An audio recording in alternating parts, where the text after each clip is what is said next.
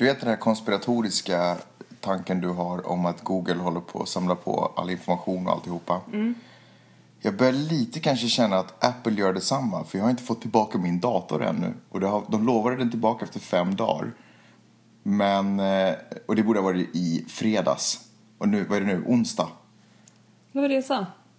Så de kanske sitter och håller på att pumpa den på information nu och den sitter och skriker i någon källare kopplad till ele elektriska sladdar och, och sådär. Och ber om nåd och gråter efter mig på kvällarna.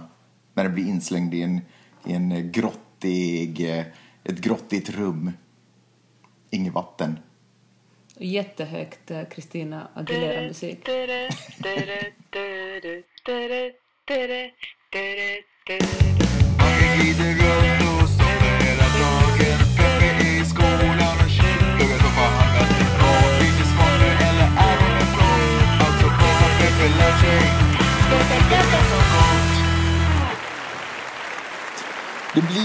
nog inga fler avsnitt på engelska. Eller?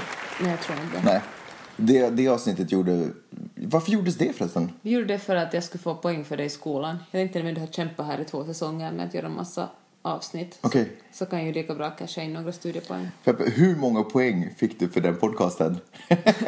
Tre. Tre poäng av hur många möjliga? Tre. Okej, men det var bra. Så det var en jackpot.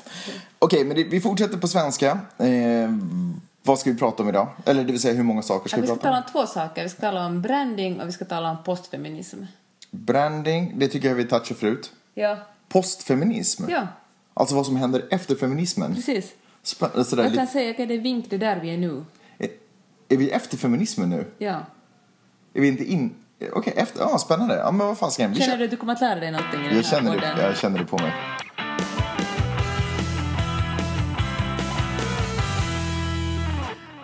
Men som du vet är det här min allra sista vecka av skola.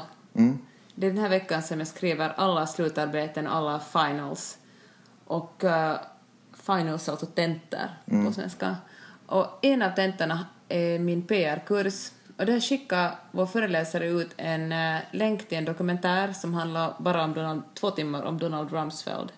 Som heter The Unknown Known.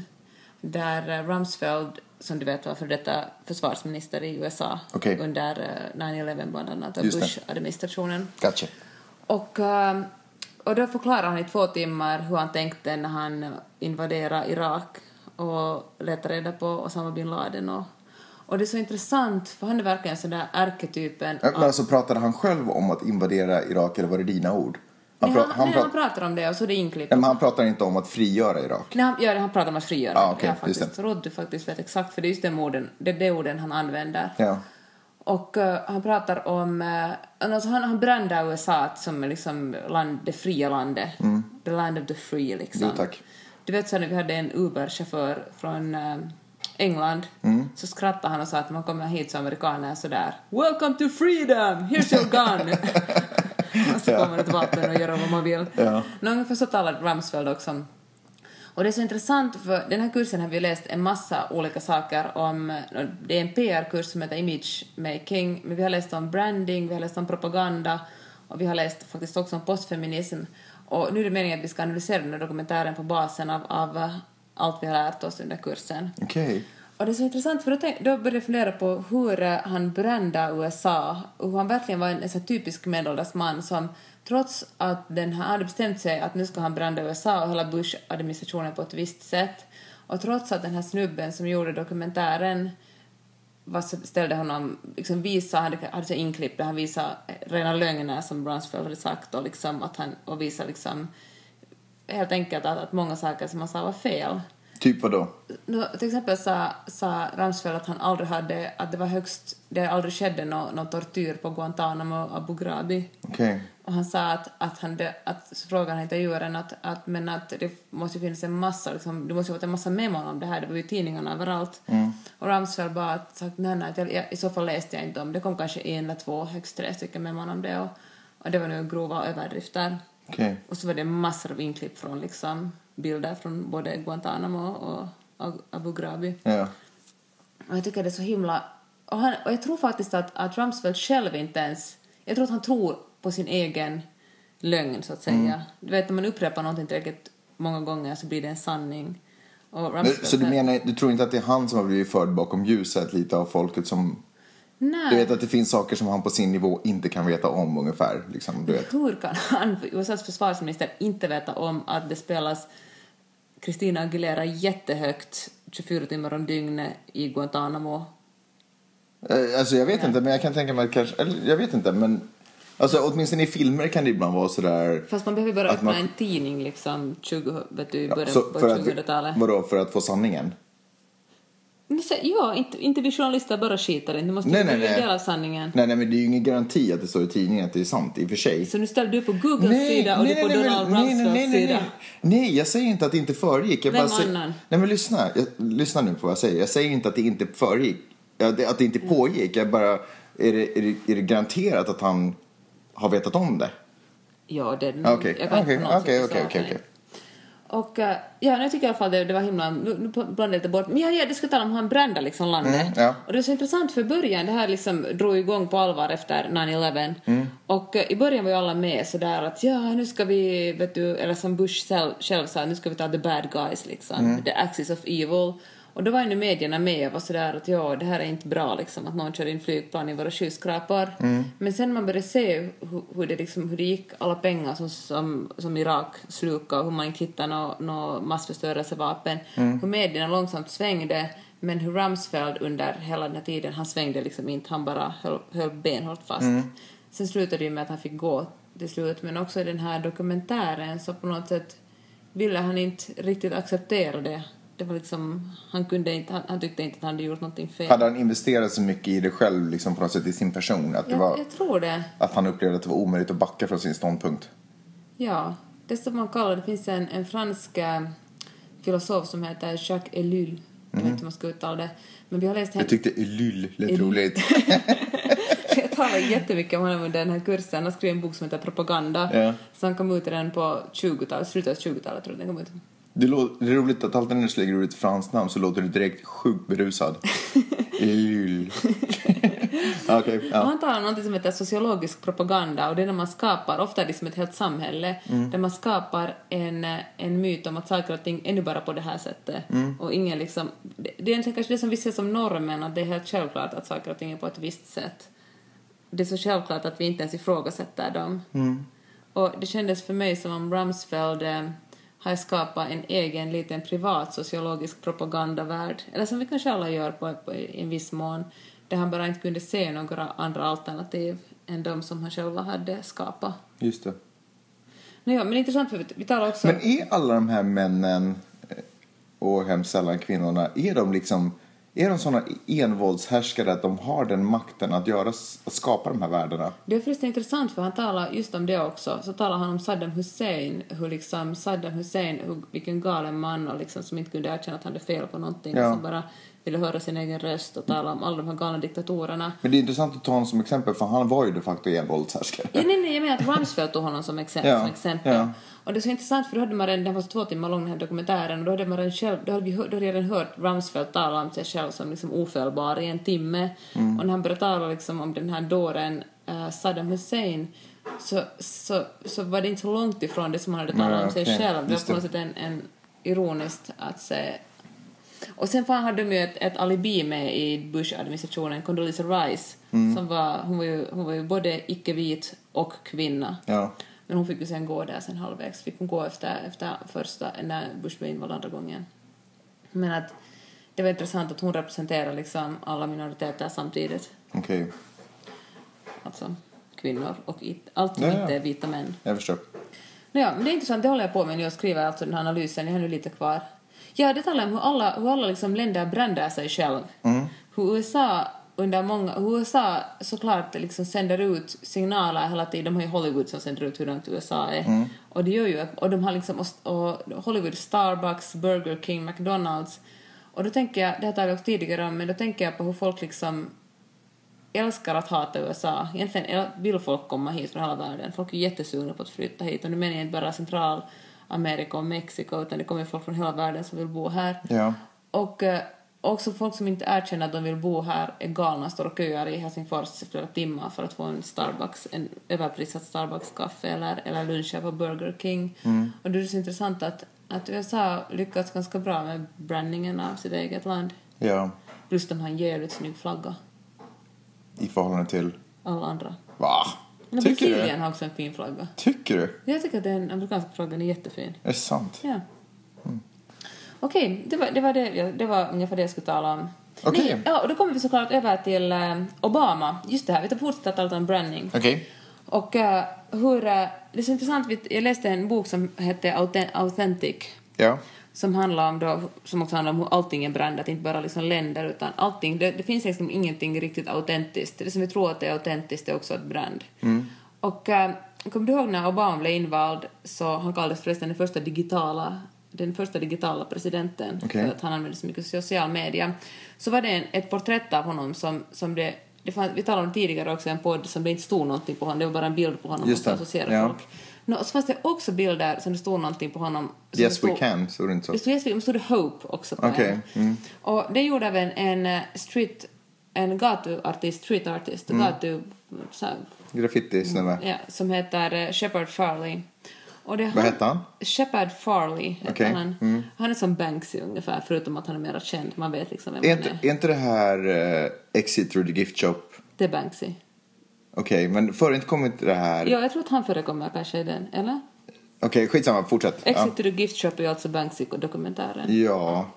Men det handlar ju om en annan snubbes, på något sätt, jakt i skuggan av... Ja, det handlade om snubben som gjorde egentligen dokumentären. Okej, whatever. Ja. Men i alla fall.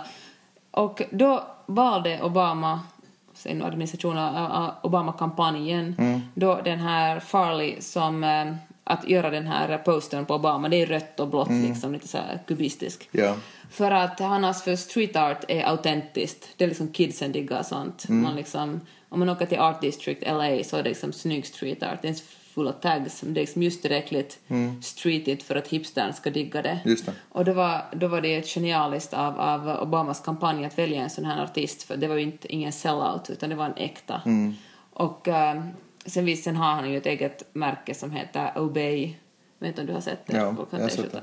Och eh, nu alla i Los Angeles har den, folk har ju till och med Obey i Finland. Så det var ju, det, ironiskt nog blev han- jag har ju liksom en jättestor, alltså, det är ju en, en, en jättestor business. Den led ju på något sätt inte heller av att, att Obama använde Varför, sig det, varför säger du ironiskt nog? Därför att eh, någonting som ska vara, som vi ser att, att street art är autentiskt, det finns bara liksom en sån här målning Ja. på den här väggen. Ja.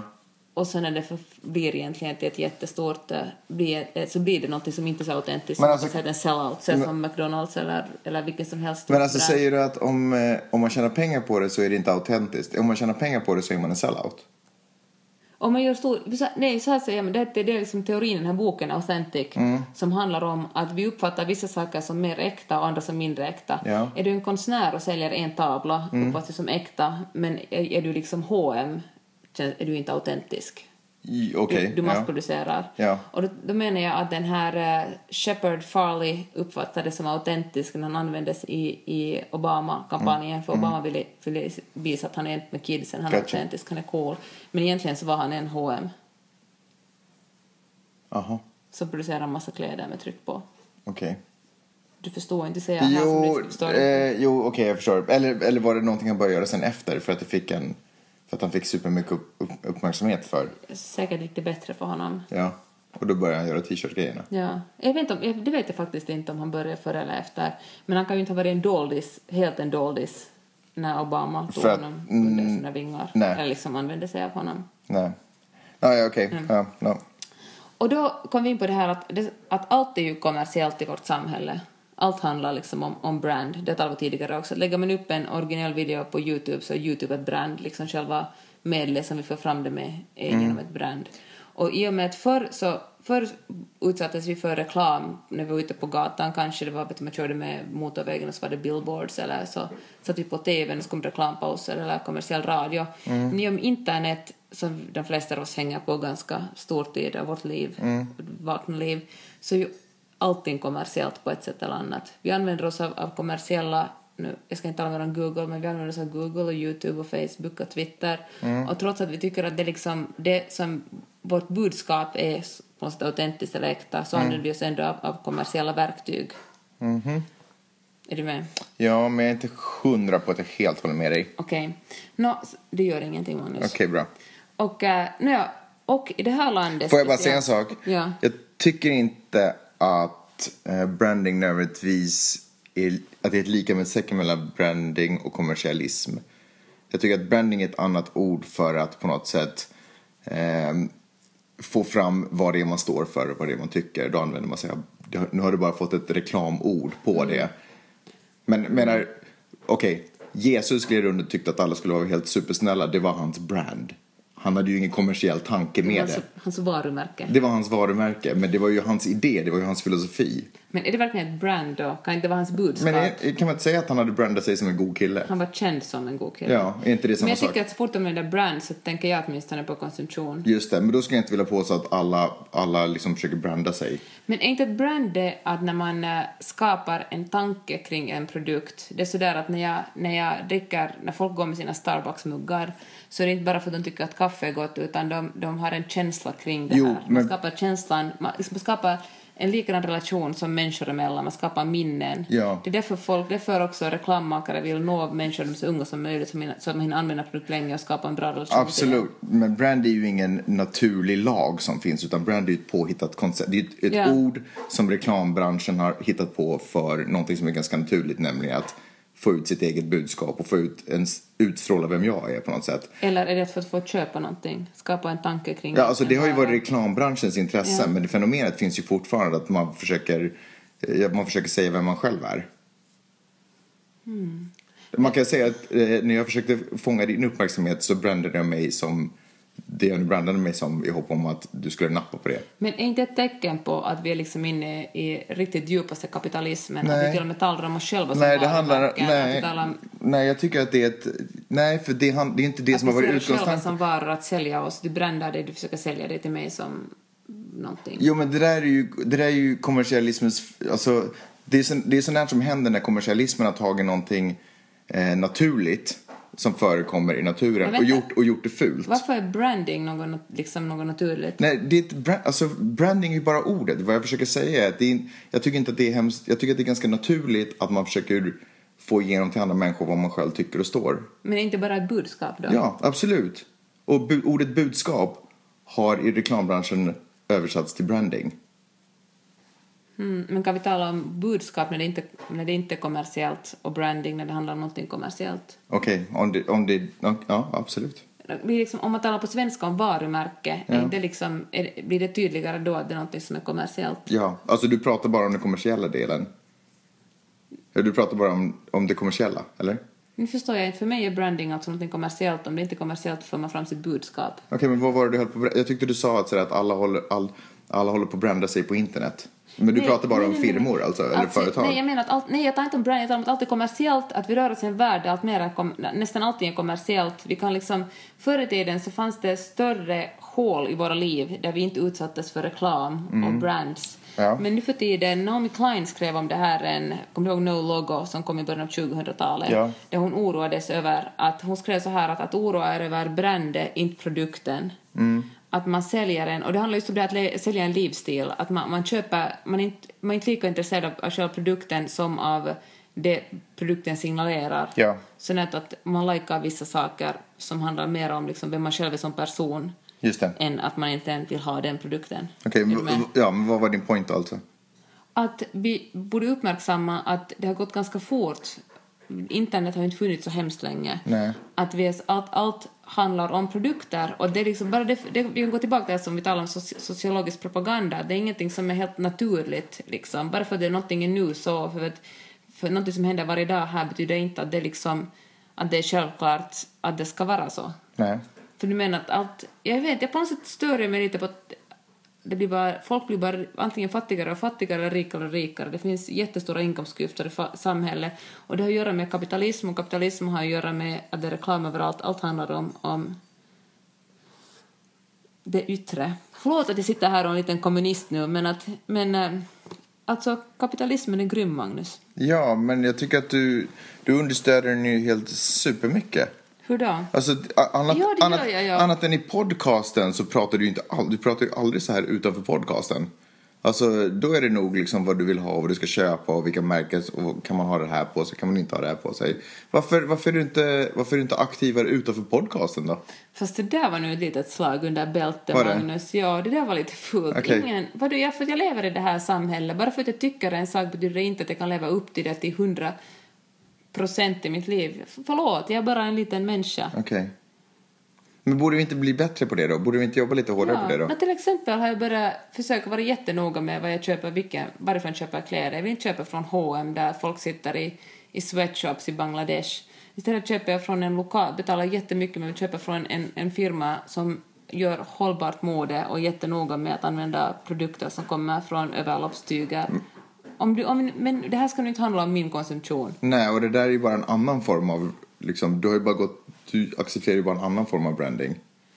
Du förkastar en form av branding till Okej. fördel för en annan form av Fine, branding. då är det rätt med branding. Eller vad, liksom, förlåt att jag gör fel. Kan vi diskutera det här utan att gå in liksom, på min privata shopping? Ja, förlåt, eller Nej. kanske inte säga emot dig. Nej, men jag tycker bara att, nej, du får säga emot mig, men jag tycker att varje gång man diskuterar ett fenomen och så, någon säger sådär att jag tycker inte det finns någon rasism i världen för jag har aldrig upplevt rasism. Förstår du? Om man, säger, man kan inte basera en hel diskussion bara på sina privata upplevelser. Man måste kunna tycka någonting och ha en ideologi utan att kunna kanske själv leva upp till den till 100 procent. Ja, okej. Eller ska jag bara säga men du då, du shoppar också? Mm, eh, eh, Okej, Okej.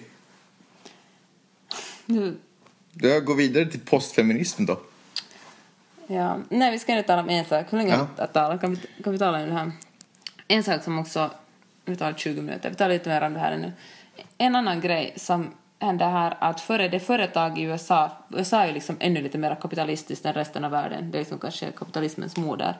Och till exempel när, när Katrina drog över New Orleans, kommer du ihåg det, 2005? Ja.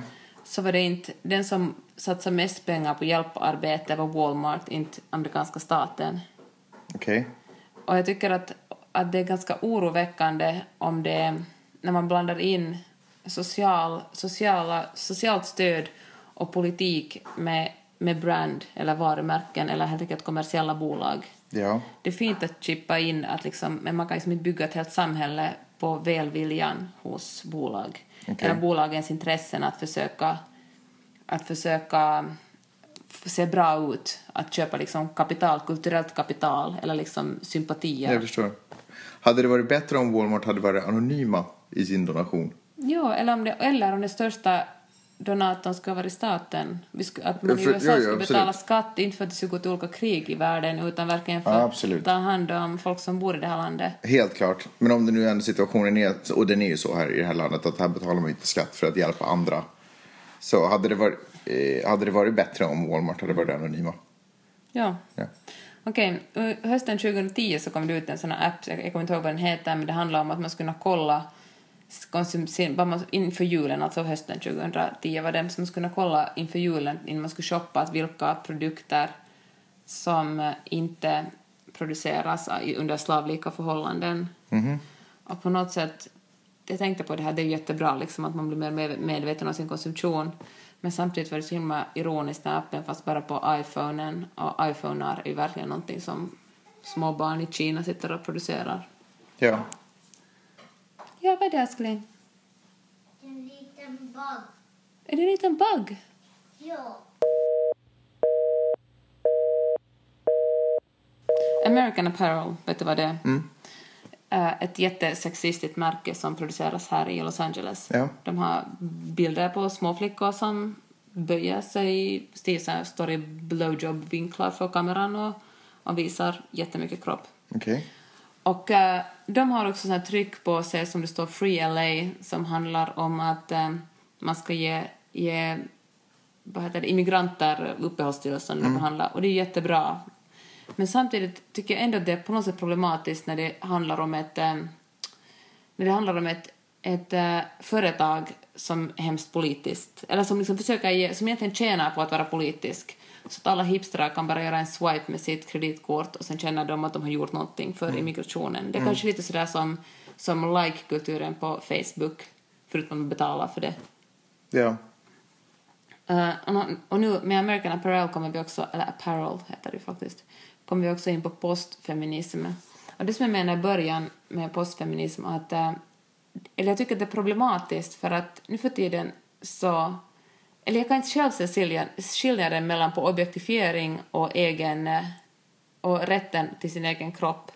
För att vi är fortfarande översköljda med en massa kroppar som visar sig i konstiga, alltså det är kvinnokropp, allt säljs ju fortfarande med kvinnokroppen.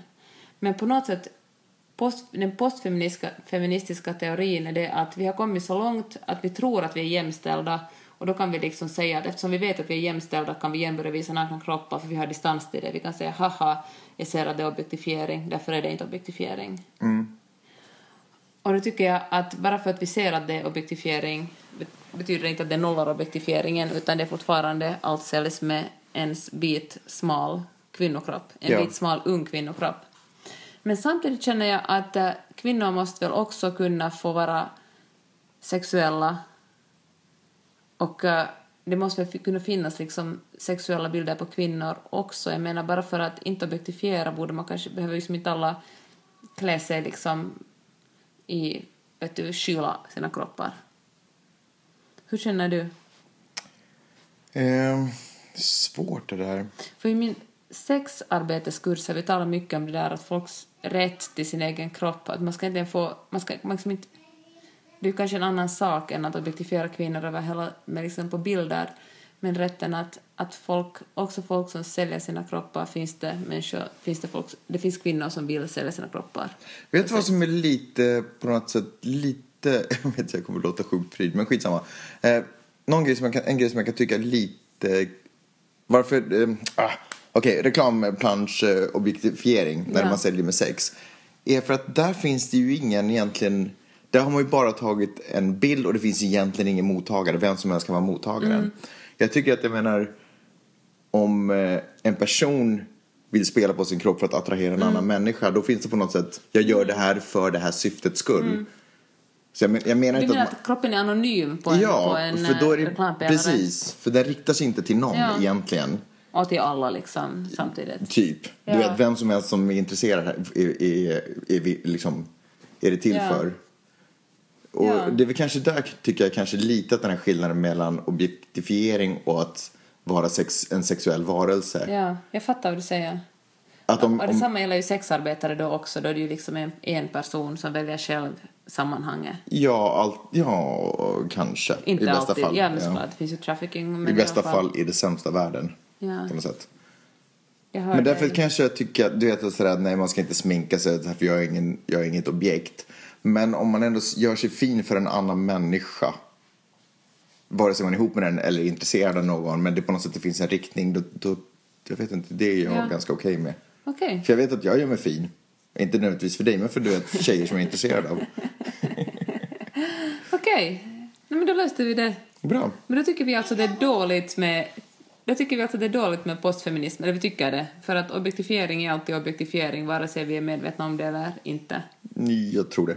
Eh, var det allt? Det var allt. Inte var det så dåligt. Hörni, tack för att ni har lyssnat.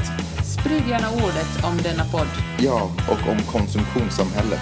Vi hörs nästa vecka. Ha det så bra. Hej då. Puss, hej.